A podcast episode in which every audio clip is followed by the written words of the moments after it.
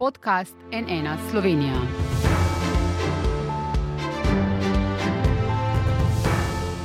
Dober dan, to je NN studio. Čeprav je do predsedniških volitev še več kot tri mesece, so sredi poletja znana že skoraj vsa najresnejša imena. Svoja aduta sta razkrili tudi dve največji parlamentarni stranki in velik del slovenskih županov.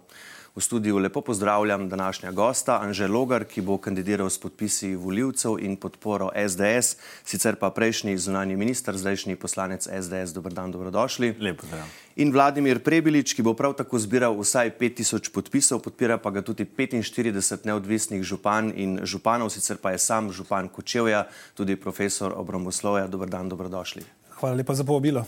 Naj povem, da smo tudi v tokratno oddajo, tako kot že v eno od prejšnjih, povabili kandidatko vladajoče stranke Gibanje Svoboda, njeno podpredsednico Marto Kos, a so jo v stranki ponovno upravičili, čež da bo za gostovanje na voljo čez kak mesec.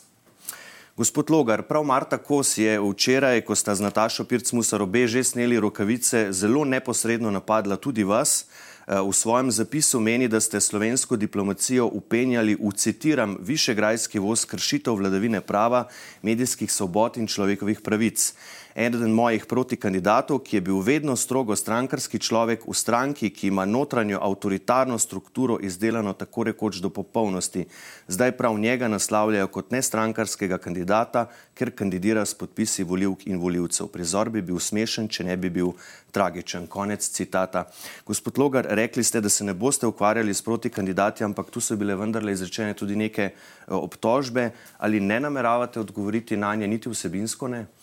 Ne, se v bistvu s temi besedami ne počutim nagovorjen, ker sem s svojim preteklim delom tudi na čelu ministrstva dokazoval ravno nasprotno. Mislim, da je bilo vodenje zunanje politike, pa tudi moje predhodne aktivnosti v politiki vedno usmerjene predvsem v sodelovanje. Tako da v tem pogledu mislim, da je to bolj na nek način sem postranska škoda nekega uh, drugega dialoga. Uh, in v tem pogledu jaz nadaljujem s kampanjo, kot sem si jo zastavil. Zdaj, morda bi kdo pomislil, da se je gospa Kos oglasila tudi, ker ji po prvih anketah medijane uh, ne kaže na uvrstitev v drugi krok. Uh, po obeh anketah in za delo in za RTV vodi Nataša Pircmusar uh, z skoraj 30 oziroma 24 odstotki, vi ste v eni anketi na drugem mestu 24,3, tudi v drugi ste na drugem mestu 16,5 odstotka, torej obeta se vam uvrstitev v drugi krok, ste zadovoljni, da že tako zgodaj po anketah kotirate dobro? No, mi smo najavili kandidaturo šele v ponedeljek. Mm. Uh, ta anketa se je zaključila v četrtek in očitno v tem kratkem času sem uspel sporočiti, Eh, ki sem jih nameraval posredovati, eh, ustrezno nagovoriti eh, pomemben del volilnega telesa. In jaz verjamem, da je to dober začetek. Sem pa že tudi v ponedeljek napovedal, da je moja kandidatura od spodaj na vzgor, skratka, da se bom ukvarjal predvsem z voljivkami in voljivci, da se bom posvetoval z njimi in na podlagi tega potem tudi predstavljal njih in bom tudi njihov glas v predsedniški palači. In zagotovo so te številke spodbudne verjamem pa, da je tudi nekaj še prikrite podpore.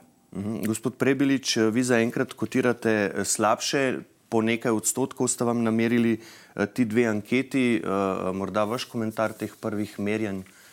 No, tako kot je kolega prej izpostavil, on je napovedal svojo kandidaturo v ponedeljek, ki so v četrtek, ko se je anketa praktično zaključevala. Tako da vseeno menim, da nekaj rezerve v tem kontekstu seveda je. Je pa dejstvo, da je bistveno teže kandidirati ne strankarsko, bistveno teže kandidirati iz pozicije, v kateri sem sam. To pa ne pomeni, da je to nemogoče. Daleč od tega, eh, moja naloga se šele začenja, moje spoznavanje Slovenije, slovenki slovencev je šele na začetku. Trdim, da je tukaj kar nekaj rezerve. Tudi ne na zadnje vse županje in župani, ki so mi namenili podporo s tem, da so me podprli do sedaj, eh, si želijo moje večje prisotnosti. Ta se začenja ta teden. Tako da mislim, da nismo še na točki, ko bi lahko konkretno evalvirali evalviral trenutni rezultat. Seveda je pa tako v politiki, da je konec takrat, ko je konec in niti minuto ali sekundo predtem. Mm. Zdaj, če se eh, še za trenutek vrnem gospe Marti Kos, se vi, gospod Logar, strinjate s prvim predsednikom republike eh, Milanom Kučanom, ki je sicer podprl Natašo Pirc-Musar, da bi bilo sistemsko nespremljivo, da bi tri najviše politične funkcije v državi eh, zasedali trije vodilni ljudje največje parlamentarne stranke, torej Robert Golob, Urška Klakočar Zupančič in Marta Kos. To smatram, da je bolj deljenje funkcij po kvotah. Um, Slovenija potrebuje dobrega predsednika, skratka nekoga, ki bo zagovarjal ljudi, bo njihov glas v predsedniški palači in tudi na nek način, ki bo imel v vidu Slovenijo, skratka, ki bo delal za dobro ljudi. In v tem pogledu načeloma to ni eh, pomembno, iz katere stranke prihaja, predvsem je to nekdo, ki ima um, ustrezen um, sistem ali pa dela, način sodelovanja da to dejansko lahko uresniči.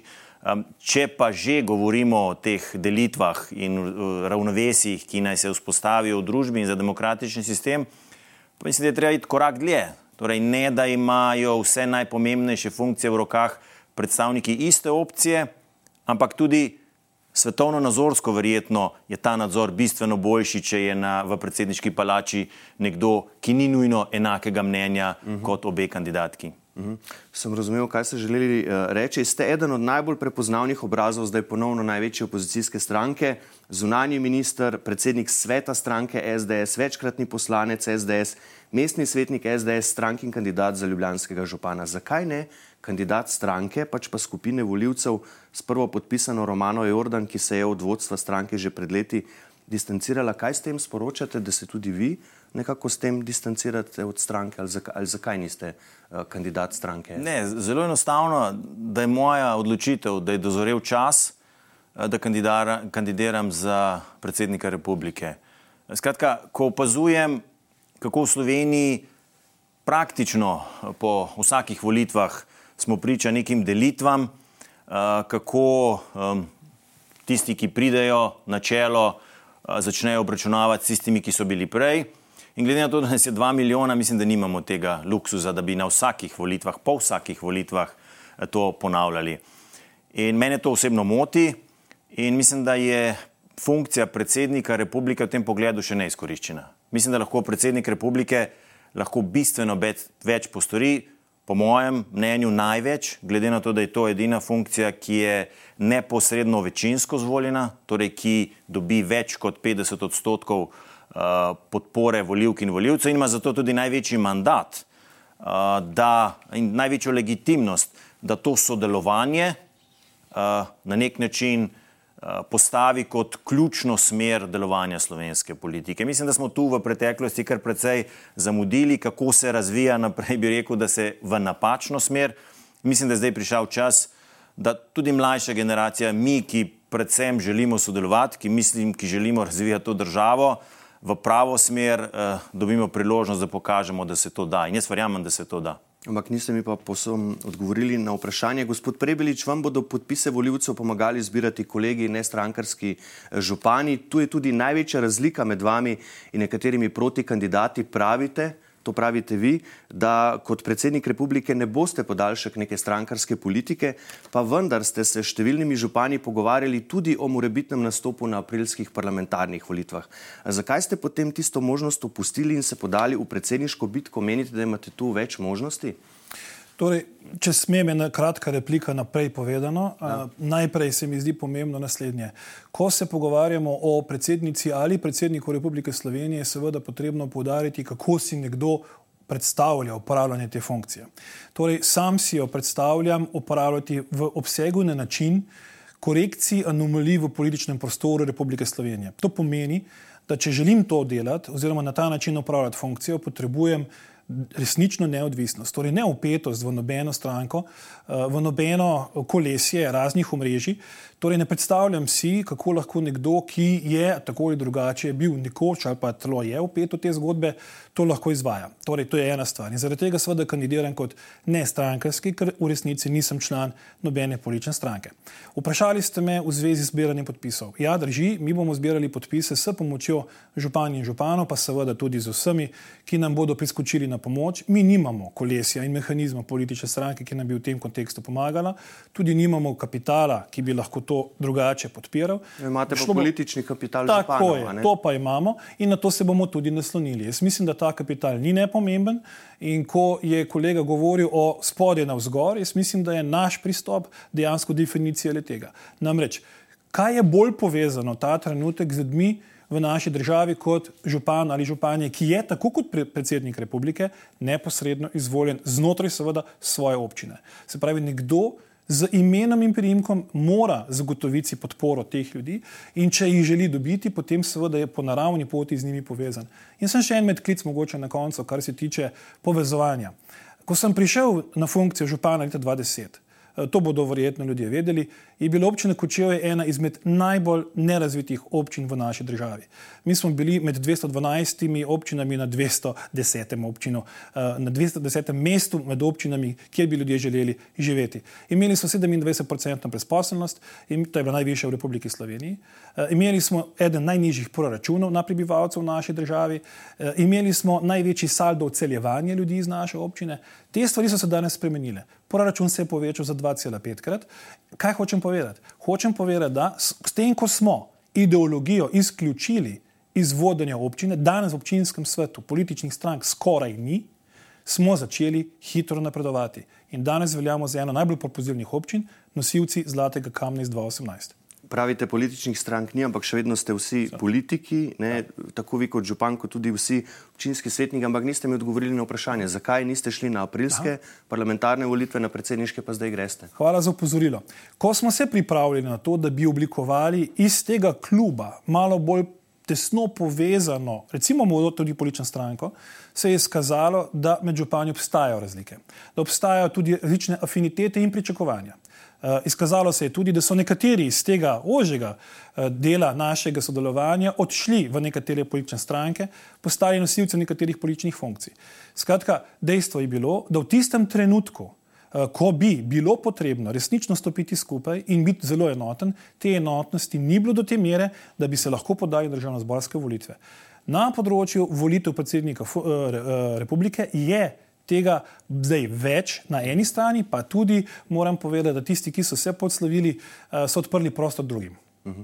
Zdaj, eh, funkcijo župana upravljate nepoklicno, še ja. vedno torej predavate na FDV, kljub temu, da vodite kar veliko po površini, celo največjo slovensko občino in ta funkcija je izvršilna v pravem pomenu ja. besede. Župan ima res ključno vlogo pri marsikaterih odločitvah, funkcija predsednika pa je, čeprav formalno najvišja v državi, ustavno zelo omejena. Kako bi se vi prilagodili temu okvirju, katere izvršne pristojnosti bi morda predsednik še moral imeti, rekli ste že, da bi si jih želeli več. Torej, zakon do zdaj je popolnoma jasen, jaz se ga tudi zavedam, so nekatere omejitve. Res pa je, da je zelo odvisno od tega, kako nekdo te omejitve jemlje in jih potem tudi interpretira oziroma izvaja v političnem življenju. Konkretno, recimo, tri področje, kjer si želim biti bistveno bolj učinkovit oziroma bistveno bolj prisoten. Prva stvar je področje nacionalne varnosti. Vsi veste, da v Republiki Sloveniji zadnjih nekaj let predsednik republike dobi na mizo poročilo o stanju v slovenski vojski. Ne rabimo iti v detajle, vemo, da to stanje ni najbolj vzorno.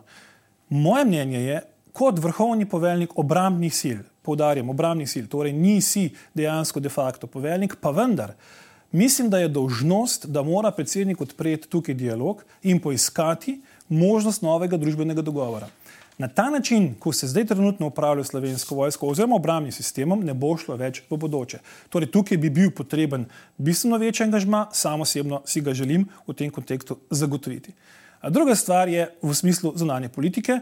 Verjetno bo gospod Logar nekatere stvari še dopolnil, pa vendar si želim, da bi kot predsednik republike v tem kontekstu bil bolj upet, bolj sodelovaren in da bi bil v kontekstu predvsem gospodarske diplomacije bolj prisoten. In končno, Republika Slovenija se nahaja zdaj v času nujno potrebnega novega družbenega dogovora. Izive, ki jih imamo. energetska nevarnost, eh, prehranska nevarnost, tudi vodno vprašanje, vodna nevarnost. To so vse moderni izzivi nevarnosti in varnosti v naši družbi. Tukaj bo potreben dogovor. In jaz mislim, da mora biti predsednik na eni strani podpora vladi, tedaj, ko dela v teh kontekstih dobro, in slaba vest vlade v tistih kontekstih, kjer je reakcija prepočasna ali je umankala. Gospod Logar, če kar uh, v bistvu nadaljujem tisto, kar je že omenil gospod Prebilič glede zunanje politike, bi si vi morda eh, želeli več pristojnosti na tem področju, vendarle predsednik republike zunanjo politiko pomembno sooblikuje že zdaj? Ja, sej, to ste dobro povedali, jo pomembno sooblikuje ja. sedaj. Uh, ima dovolj pristojnosti, kar se tega tiče, je po zakonu o zunanjih zadevah drugi ključni akter zunanjim ministrom. Mislim, da je tukaj pomembno, da sta zunanjim ministrom usklajena, da se tudi ustrezno koordinirata. In saj to lahko rečem, v času mojega ministrovanja je bila ta komunikacija z predsednikom Pahorjem redna. V vseh delih, kar predvideva zakon, in tudi v teh najpomembnejših političnih dogajanjih. In v tem pogledu mislim, da je predsednik eh, republike, v bistvu glavni ambasador Slovenije na najvišji možni ravni in kot usklajen z, ministrom zunanje zadeve, predvsem pa z strategijo v zunanji politiki, eh, lahko ključno prispeva k umeščenosti Slovenije v te mednarodne tokove. In to bo v prihodnih letih še posebej pomembno, predvsem zaradi varnostnih izzivov in predvsem zaradi um, teh političnih, uh, mednarodnih sprememb, ki so povezane z vojno v Ukrajini, z spremenjenimi varnostnimi razmerami, z geopolitiko, z koncentracijo uh, mednarodne pozornosti na Indo-Pacifiško regijo, z različnim odnosom med uh, Rusijo, Združenimi državami Amerike in Kitajsko, in na koncu koncev tudi z oživljeno Evropsko unijo, ki je dejansko doživela nek eh, nov veter sodelovanja. In mislim, da je tu ravno ta izkušnja iz eh, zunanje politike, mislim, da ključna v prihodnih letih. Omenili ste vojno v Ukrajini, ne? ta traja zdaj že štiri mesece in pol. Slovenska javnost je zelo enotna pri obsodbi ruske agresije. Ne pa tako zelo o tem, kako naj se ta konflikt rešuje, kaj naj storita EU in NATO, katerih članica je Slovenija. Kakšno sporočilo bi po vaše tu moral državljanom dati predsednik republike? Uh, mislim, da je treba dati zelo močno podporo Ukrajini, uh, hkrati se zavedati, da se ravno na frontni liniji v Ukrajini brani vrednostni sistem, ki smo si ga uspeli uh, zagotoviti po drugi svetovni vojni.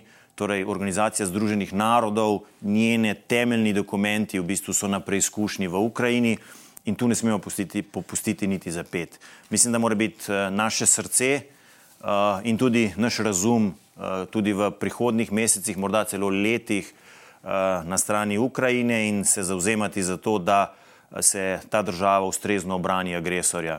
In lahko rečem, da sem vesel, da v bistvu nova vlada nadaljuje politiko, ki jo je zastavila prejšnja vlada, kljub temu, da so bile v predhodnem, torej predvolilnem času neke drugačne napovedi. In to je zagotovo dober znak. In lahko rečem, da če bomo uspeli s tem uh, pristopom Ukrajini zagotoviti mir, s tem pa tudi širši regiji, uh, nas za prihodnost ne rabi skrbeti. V primeru, da bi pa tu popustili, potem je pa prihodnost zelo negotova. Gospod Prebilič, enako vprašanje. Uh, se strinjam. Uh, napad uh, Ruske federacije na Ukrajino je najbolj eklatantna kršitev mednarodnega prava. Ni opravičila za tako ravnanje. To je popolnoma jasno. Ve se, kdo je agresor in ve se, kdo se v tej vojni brani. Uh, gre za to, da tudi po vseh mednarodnih pravnih dokumentih, če vzamemo sem za podlago ustanovno listino Združenih narodov, obstaja neodtoljiva pravica vsake države in vsakega naroda do obrambe. In kot rečeno, tukaj je napad na državo in Ukrajina ima pravico, da se brani in dožnost, da se brani. Mi, vsi ostali, uh, Mislim, da jim moramo v teh naporih pomagati. Mislim, da mora predsednik republike skupaj z vlado pripraviti državljanke in državljane, tudi našo državo, na zelo težke izzive. Namreč posledice ne bodo enostavne te vojne in jih že lahko čutimo dan danes, mislim, da bodo ja. samo še večje. In tukaj je potrebno doseči skupen konsens okrog tega, tukaj ni razprave, moramo biti enotni, tudi če nas bo pri tem nekaj bolelo, se pravi finančno in sicer. Ampak naj vas spomnim, Če nas finančno boli, predstavljajte si, kakšno žrtev plačuje danes ukrajinski narod v Ukrajini. Tako da jaz mislim, da za ta čas ni čas za samo pomiljevanje, ni čas za nerganje in negodovanje, ampak je čas za to, da skupaj stopimo in obranimo vrednote, ki nas definirajo. Zdaj prihajala so pisma intelektualcev glede vojne v Ukrajini, nekatera so imela širšo paleto podpisov, druga manj. Uh, gospod Prebelič, vi menite, da bi se moral predsednik vključevati v to razpravo, sklicati kak posvet vseh akterjev, nekaj podobnega je denimo storila zunanja ministrica Tanja Fajon? Jaz bi ga sklical, ukolikor bi bil na tem položaju. Že prej sem povedal. Z vsemi avtorji teh, teh besedil. Mislim, tako je. Jaz mislim, da če kdaj, in to tudi velja za Evropsko unijo, in Evropska unija v tem kontekstu vsaj zaenkrat še deluje zelo koherentno in medsebojno se podpira v teh naporih, mi moramo v tako ekstremnih situacijah, kot je ta vojna, poenotiti svoje stališče. Jaz mislim, da zdaj nikakor ni čas za to, da se ponovno delimo, da imamo zelo raznolika, raznolike poglede, ker še enkrat govorimo o tem, ali ali ne bodo obstale tiste norme, za katere smo se pravzaprav vsi v Evropi zavezali. Torej, jaz bi jih povabil in bi si želel, da poenotimo stališče, koliko je to seveda mogoče. Če nekdo ne želi poenotiti, to je seveda svoboda razmišljanja drugega, pa vendar napor v to ne bi bil slab, zlasti skozi prizmo, kot sem prej povedal, priprave na zelo težke čase, ki nas čakajo, da jih bomo tudi lažje razumeli. Uh, kot rečeno, mnenja so kar zelo raznolika. Kako bi jih vi, recimo, spravili pod nek skupni imenovalec, če bi bilo to mogoče kot predsednik? Mislim, da drugo pismo združuje zelo široko paleto uh, podpisnikov. Mislim, da tem tudi kaže, da obstaja neka uh, široka um, usklajenost v slovenskem javnem mnenju, tako na levi kot na desni.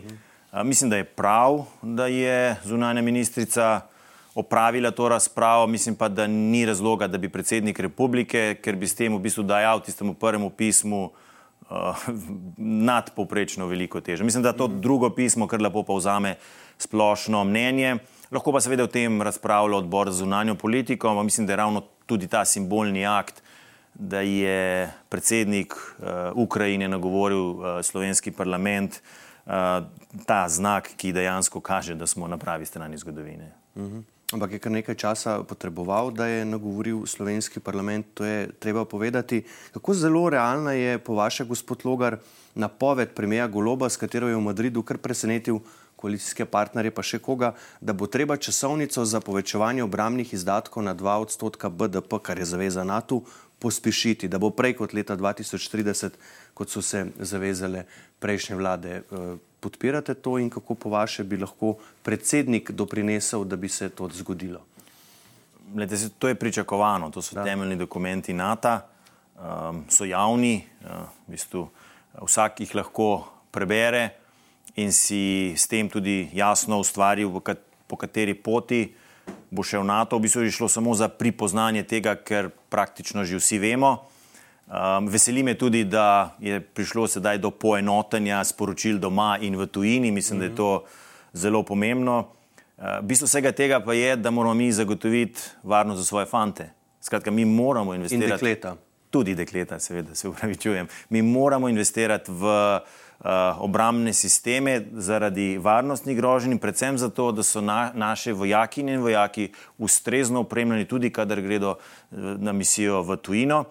In uh, to negativno sporočilo, ki ga predsednik republike dobi potem na mizo, uh, samo še dodatno kliče po tem, da moramo te napore narediti. In uh, NATO sedaj ne govori več o dva odstotka za, za obrambo oziroma za, za varnostna vprašanja, ampak dva odstotka plus po letu 2024, kar pomeni, da moramo vso tisto zamudo, ki smo si jo nabrali v preteklih letih in predvsem zanikanjem tega pomena, ki ga ima varnostno vprašanje za prihodnost Slovenije, zdaj v krajšem času nadoknaditi. In to bo pač naloga te vlade, da te obljube tudi izpolnje. Vaš pogled na to, gospod Prebelič, kako to doseči zdaj že? Ne, najprej smo, bili, smo imeli zaveze do 2024, ena in pol, zdaj že dva uh, odstotka. Kaj s tem? Uh, poglejte, najprej je treba jasno povedati, to ni nekaj, kar NATO zahteva. To je NATO-vo priporočilo. Zakaj? Zaradi tega, ker smo se skozi zgodovinski čas naučili, da ukolikor države namenjajo 2 odstotka BDP-ja, funkcionira sistem te države v smislu dogotavljanja varnosti in obrambe. Torej gre za dejstvo. Mi sami smo se zavezali k temu, da bomo temu sledili, pa žal vsa ta leta nismo sledili. Ampak pozor, mislim, da ni tako pomemben ta trenutek, ali bomo mi dali denar v proračun za to ali ne. Veste, težava je nekje druge. Težava so vojakinje in vojaki. Ne vem, kako sicer spremljamo, spremljate, eh, kaj se dogaja s kadrovskimi vprašanji, ampak danes bo še najlažje zagotoviti finančni vir. Bistveno težje bo prepričati mlade ljudi, da se bodo temu sistemu pridružili. In tukaj gre za vlogo predsednika republike. Namreč, mi smo zelo, zelo dolgo časa pošiljali napačen signal ljudem v Sloveniji in ta je bil, mi smo člani NATO, drugi bodo poskrbeli za varnost naše države, kar je seveda zavajanje.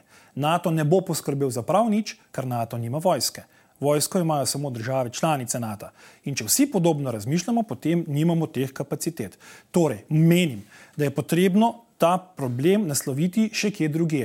In tukaj vidim vlogo predsednika. Namreč dvigati je treba varnostno pismenost državljank in državljanov Republike Slovenije. Torej, varnost ni dana od nekoga drugega, za varnost se je potrebno potruditi.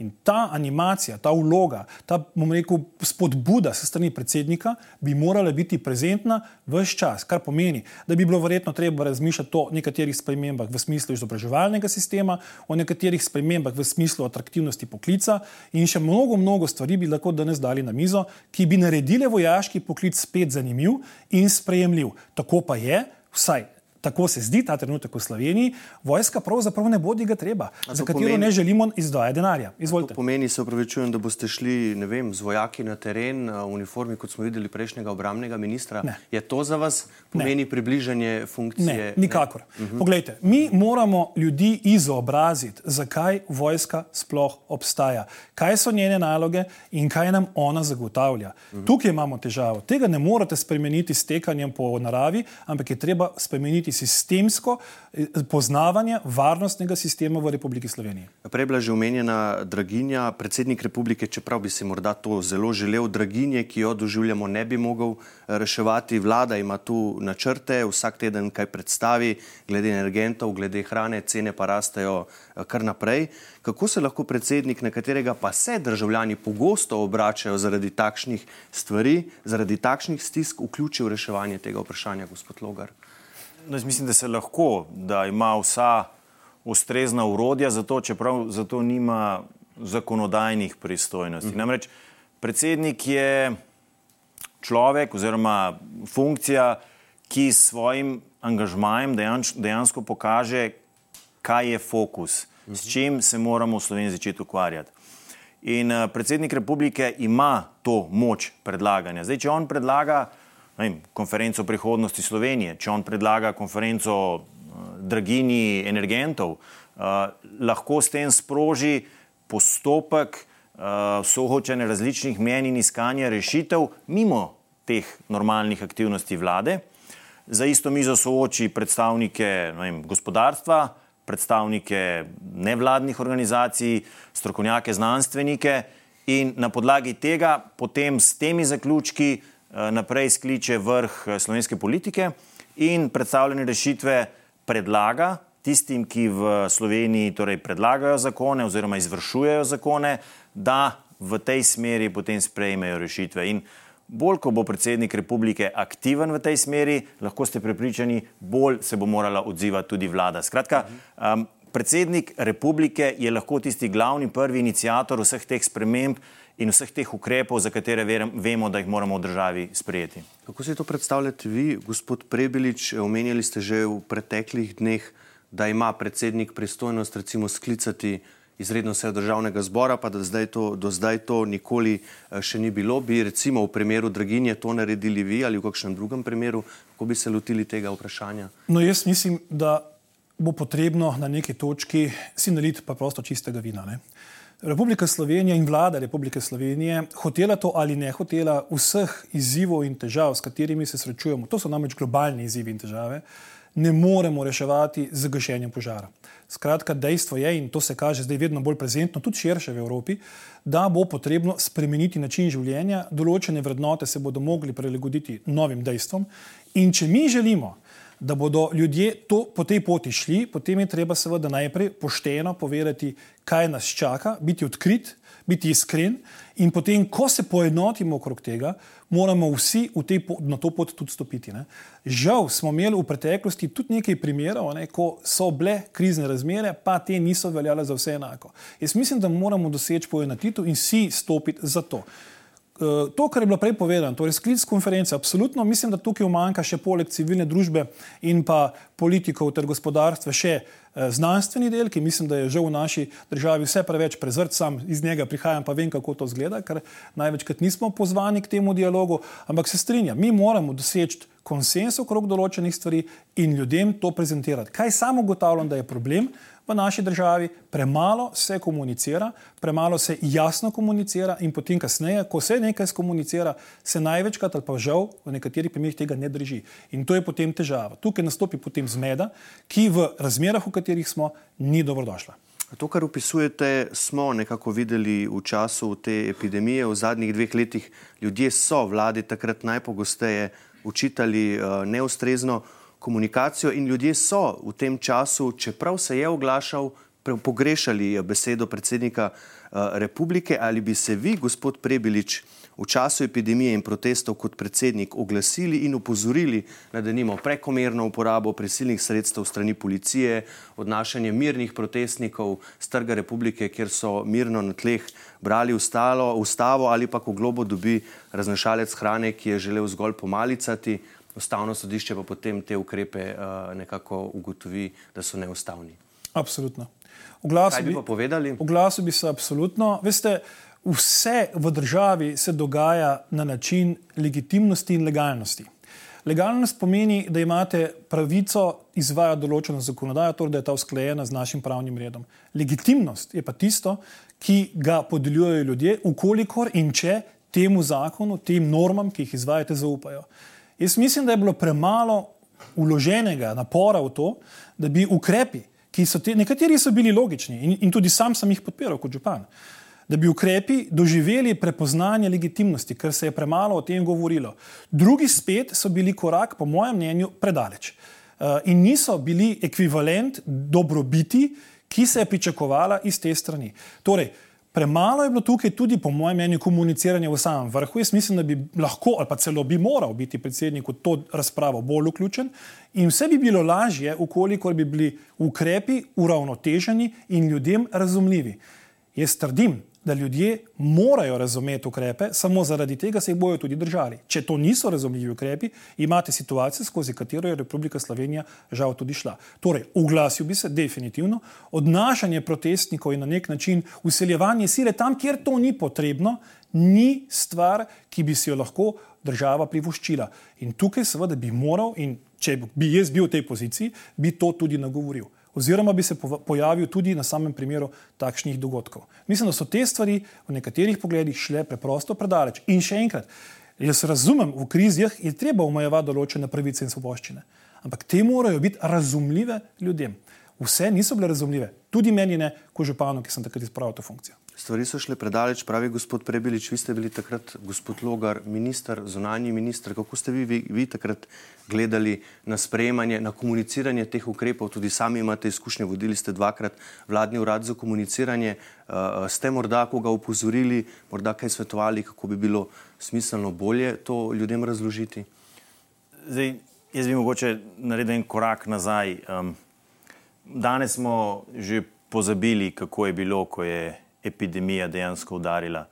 Bergamo slike, smo gledali uh, preminule na ulici, so dejansko zarezale v nek uh, odločevalski proces z nekim tedaj neznanim virusom, ki so prestrašile vsakega izmed nas. Zdaj, tisti, ki ni bil zgrožen ob teh slikah, um, ima zelo kamnito srce.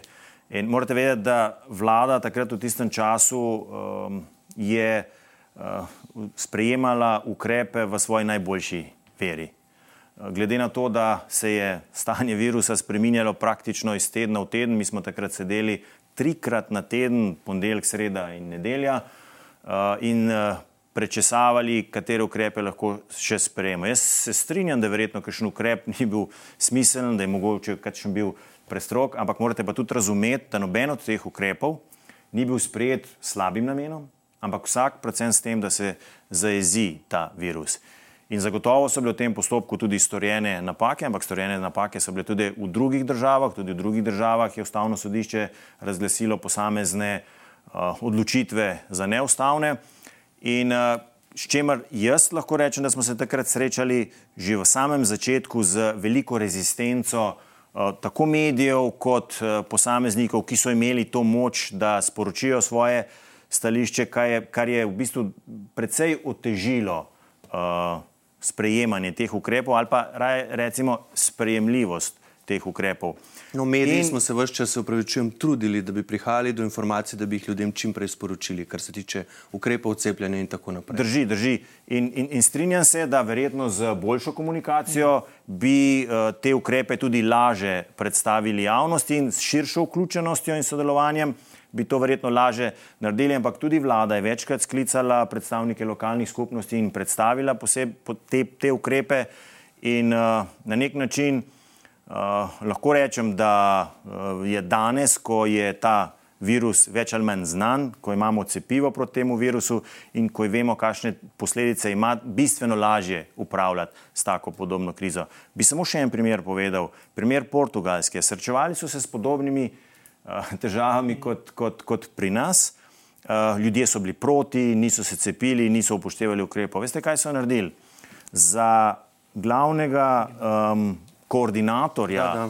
boja proti COVID-u so imenovali generala. Mm. Generala. Predstavljajte tukaj... si, da bi v Sloveniji imenovali generala. Ja, ja, ampak sem tukaj kot, z gospodom. Kot, samo samo ja. da zaključim, kot, kot glavnega tistega protagonista, ki to usklajuje. Pa veste zakaj? Uh mhm. -huh. Zato, ker je po njihovem pravnem redu oziroma eh, načelu prepovedano kritizirati vojaka oziroma generala. Uh -huh. In ker ga potem nihče ni več kritiziral, so ljudje prisluhnili njihovim ukrepom, ki so bili v marsičem strožji, kot so bili na ja, Ravno o tem sem z našim priznanim jezikoslovcem Kozmo Ahačičem govoril, prav v tem studiu, o tem, zakaj je na portugalskem vojaška retorika delovala, pri nas pa ne. Ste želeli, eh, o tem bi lahko verjetno ja. govorili še kar nekaj časa, gospod Prebili. Ne, sem hotel sem dodati. Uh, ja. ja, ta stvar je meni zelo poznana, zato ker izhajam iz te branže. Uh, seveda tam je drugačen odnos do vojske nasploh na portugalskem. Vemo, kakšna je bila njihova vloga tudi v času nastajanja Svobodne republike republike in tako naprej. Ampak vendar, se mi zdi nekaj drugega.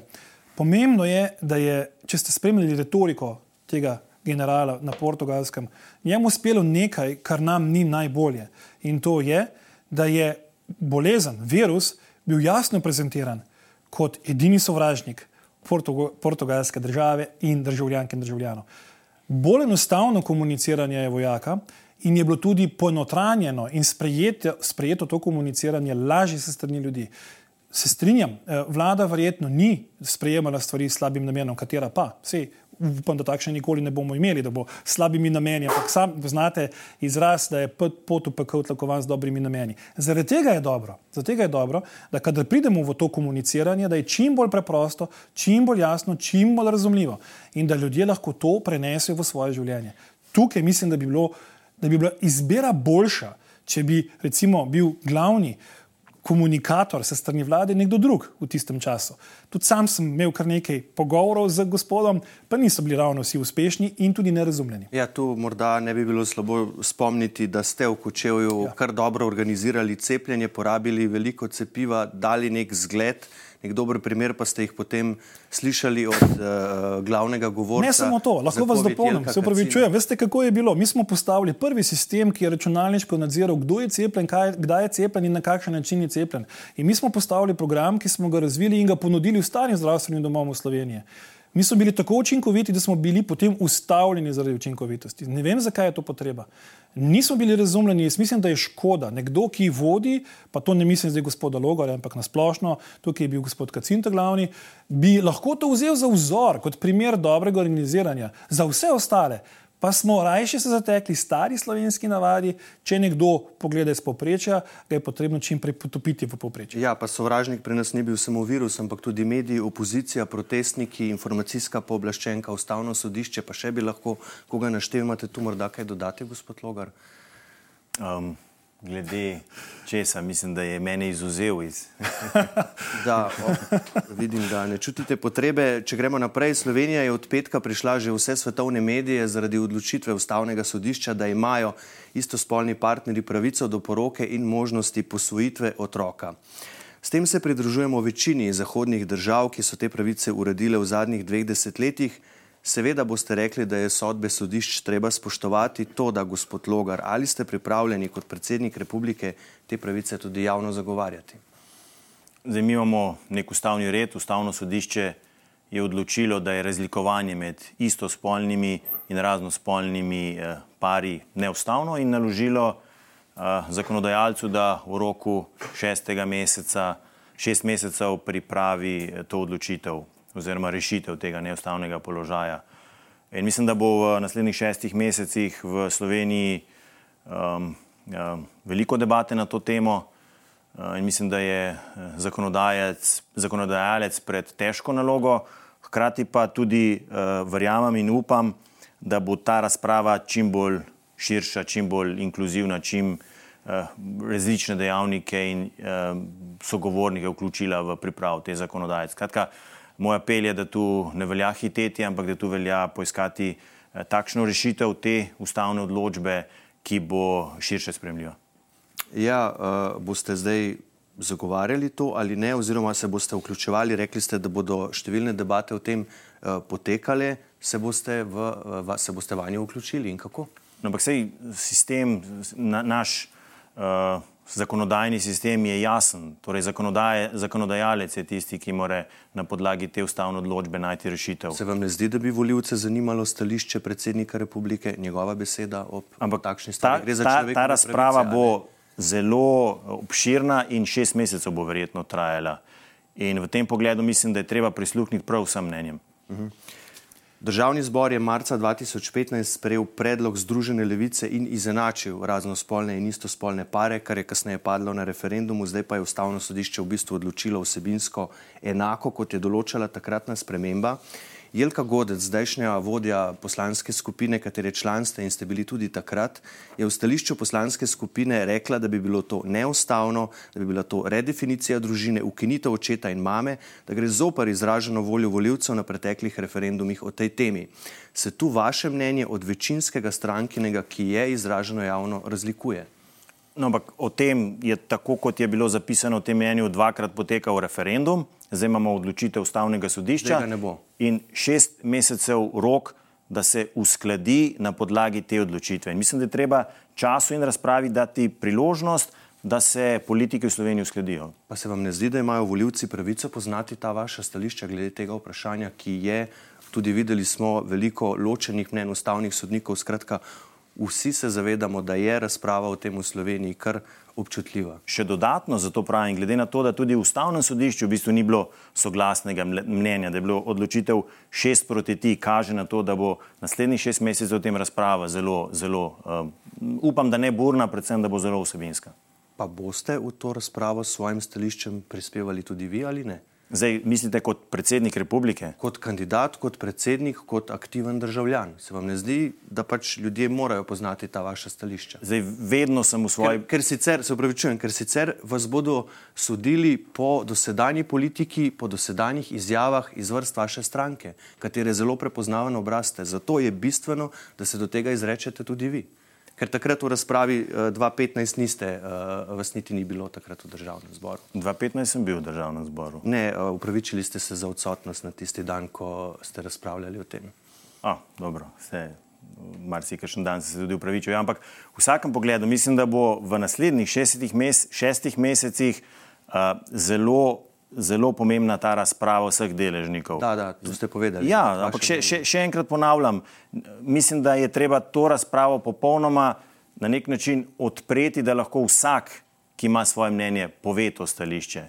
In tudi predsednik republike, ukolikor bo začutil potrebo, verjetno se bo vključil v to razpravo. Ampak takrat, ko bodo posamezni deležniki opravili ta svoj pomembni del razprave. Zdaj pa tega mnenja ne želite razkriti, očitno vsaj tako ti si, gospod Prebelič, vaše mnenje. Jaz sem pa zelo preprosto mnenje, kar se tega tiče. Uh, družba mora delovati čim bolj odprto. Družba mora vključevati vse, različno misleče, različno spolno orientiranje, različne barve kože in tako naprej. Jaz mislim, da je že to, da odločamo o pravicah, v tem konkretnem primeru govorimo seveda o manjšini v naši družbi, da večina odloča o manjšini, mislim, da za mene to ni dobro. To ni vključevanje in jaz mislim, da je prav, da se to prepusti čim širšem konsenzu. Sam pozdravljam odločitev ustavnega sodišča, sam osebno menim, da ljubezen nikakor ne more biti zapovedana se strani države, ne more biti zapovedana se strani družbe ali kakršnih koli drugih elit v naši državi. Ljubezen je prosta svoboda vsakega posameznika in država mora prostor te proste svobode varovati in ga ne zapirati. Tako da s tem jaz nimam nobenih težav, ukolikor bom tej funkciji predsednika absolutno aktivno sodeloval v tej razpravi v smislu vključevanja in ne izločevanja posameznikov v naši družbi. Tako da jaz mislim, da je dobro, da smo prišli na to točko, škoda, da nismo že prej in jaz mislim, da je dovolj prostora za to, da vsi srečno in uspešno živimo v naši državi in še enkrat, nobene potrebe ni, da se država v to, kako, na kakšen način, kdo izraža ljubezen, vključuje v katerem koli segmentu. Gospod Logar, ki imate, to pomeni tudi vi, pozdravljate to? Ja, se je v bistvu povedal eh, to, kar sem sam povedal, da je čim bolj vključujoča ta razprava in da se najde potem takšno rešitev, ki je spremljiva za širok krok. Ja, jasno, se... jasno je pozdravil eh, sodbo ustavnega sodišča. To, no, to, to lejte, v našem ustavnem redu imamo sodbe, najvišje veljave sodbe ustavnega sodišča. Ja. Sodbe ustavnega sodišča se morajo potem preleviti oziroma spraviti v zakonodajni postopek. In kot poslanec sem se vedno zauzemal za to, da so se sodbe spravile v zakonodajni postopek. Uh, žal v Sloveniji kar nekaj teh sodb postavnega sodišča še vedno čaka na izvršitev, sem pa vesel, da smo vsaj v preteklem mandatu nekaj teh sodb vendarle udejanili. Ne bomo pa videli, eh, če boste, kako boste glasovali o vladnem zakonu, ki ne bi to uh, neustavnost odpravljal, meda ne bi bil že pripravljen v tednu ali dveh. No, gospod... pa mislim, da je uh, treba široko razpravo praviti. Uh -huh. Torej, ne hiteti s takim predlogom. Kot sem rekel, že v ustavnem sodišču um, ni bilo poenotenja, bi bilo veliko lažje, če bi bilo to poenotenje. Uh, v tem primeru pa mislim, da more um, Ministrstvo za delo upraviti zelo široko horizontalno razpravo z vsem deležniki. Uh -huh. Gospod Prebelič, vsa država je pretresla tragedija v Melaminu, najhujša industrijska nesreča v zgodovini Slovenije, sedem smrtnih žrtev. Ko sem se v Kočevju tisti dan pogovarjal z domačini, so mi vsi nekako pripovedovali, ja, smo nekako vedeli, da smo se bali, ne, da živimo praktično na bombi, da je lahko nevarno, da pa je vendarle tovarna največji zaposlovalec ne, v vaši občini, v vašem mestu. Zakaj si prej? Nikoli niste prizadevali, župan ste od 20 naprej, da bi vsaj del proizvodnje preselili stran od naselja, kar se bo očitno zgodilo zdaj po nesreči.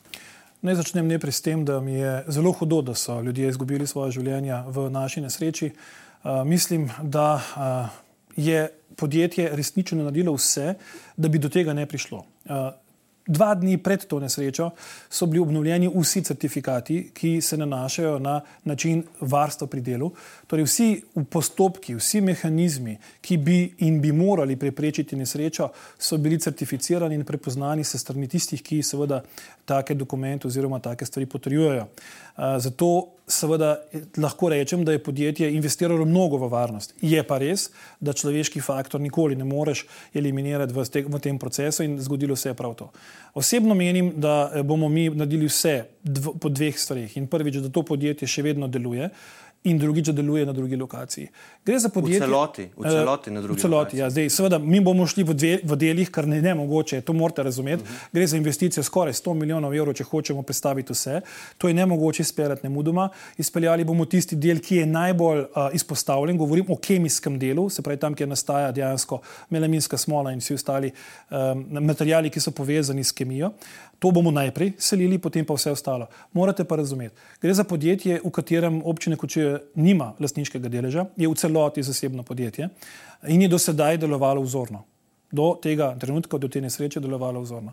Torej, eh, ne samo, da je zaposlovalo ljudi, ne samo, da je vzdrževalo veliko znanja v našem bazenu, ampak je tudi zagotavljalo eh, štipendiranje, razvoj športa in vsega ostalega. Torej, raznih učinkov ali pa indicev, ki bi kazali, da bi to podjetje skozi svoje delovanje, v čemarkoli, načenjalo varnost in zdravje ljudi, ni bilo. Ker še enkrat, investirali so ogromno v, v samo varnost in v delovanje teh sistemov. Seveda, zdaj, ko se je to zgodilo, bom tudi sam osebno ustrajal na tem, da je ta lokacija nova in smo jo že našli in na njej tudi delamo. Tako da jaz upam, da bo Republika Slovenija, ki je lastnica teh zemljišč, eh, ne pa občina Kočevje, da nam bo asistirala, da nam bo pomagala in da bodo dokumenti, govorim o prostorskem umeščanju, čim hitreje ugledali luč sveta. Ja, sprašujem ravno zato, ker pri nas, pa ne samo pri nas, ne, eh, včasih pač se mora nekaj zgoditi, ja. žal tragičnega, da se potem kaj premakne, kaj spremeni. Greva še k zadnjemu vprašanju, gospod Prebelič. Na spletni strani občine še vedno piše, da ste bili svetovalec nekdanjega predsednika Danila Tirka, ki zdaj podpira vašo protikandidatko Natašo Pircmusar. Zdaj v njegovem nekdanjem kabinetu ste ogorčeno zavrnili, vi ste rekli, da gre za nesporazum, ampak svetovalci predsednika republike so funkcionarji v uradu in navedeni tudi na spletni strani urada. Vi to ste ali niste? Ne. Aha. To tudi nisem nikoli trdil. Jaz sem sodeloval z uradom predsednika republike dve leti, za kar obstajajo tudi bibliografski dokumenti in kazalci v bazi SICRIS. Torej, mi smo sodelovali skozi razvijanje in spodbujanje doboljubja med mladimi v Republiki Sloveniji. Zakaj? Zaradi tega, ker je tedajni svetovalec, torej zaposlen v kabinetu predsednika Turka, gospod Ladislav Lipič, nekdanji načelnik generalštaba slovenske vojske, že takrat prepoznal to, o čemer sem govoril v vaši vdaji, in to je, da obstaja odtujenost mladih od obrambnega sistema. Torej, da je ne mogoče mlade vključevati, ker jih to ne zanima. Ker sem v tistem času vodil. Vi ste bili svetovalec svetovalca v bistvu. Ne? V bistvu, ampak jaz sem izhajal iz preprostega razumevanja termina. Če nekomu svetujem in pomagam, je to svetovalec. Nisem nikoli zavajal o tem, da bi bil zaposlen tam, ampak da sem sodeloval in to sodelovanje ni bilo enkratno, kakor trdi sam urad, ampak večkratno, za kar obstojijo tudi dokumenti. Dobro, uh, spoštovana gospoda, gospod Anžel Logar, gospod Vladimir Prebelič, najlepša hvala za vajen prvi obisk.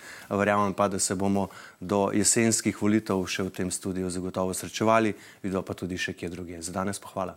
Hvala lepa. Hvala za vam za vabilo. Upam, da ste zdaj uh, lahko spoznali kandidate malo bolje. Vsekakor pa priporočam obisk naše spletne strani nnainfo.si. Tam najdete tudi uh, pretekle oddaje. Eno smo že imeli z dvema kandidatkama, zato ljudno vabljeni. Iz studija pa danes le še lepo zdrav in nasvidenje.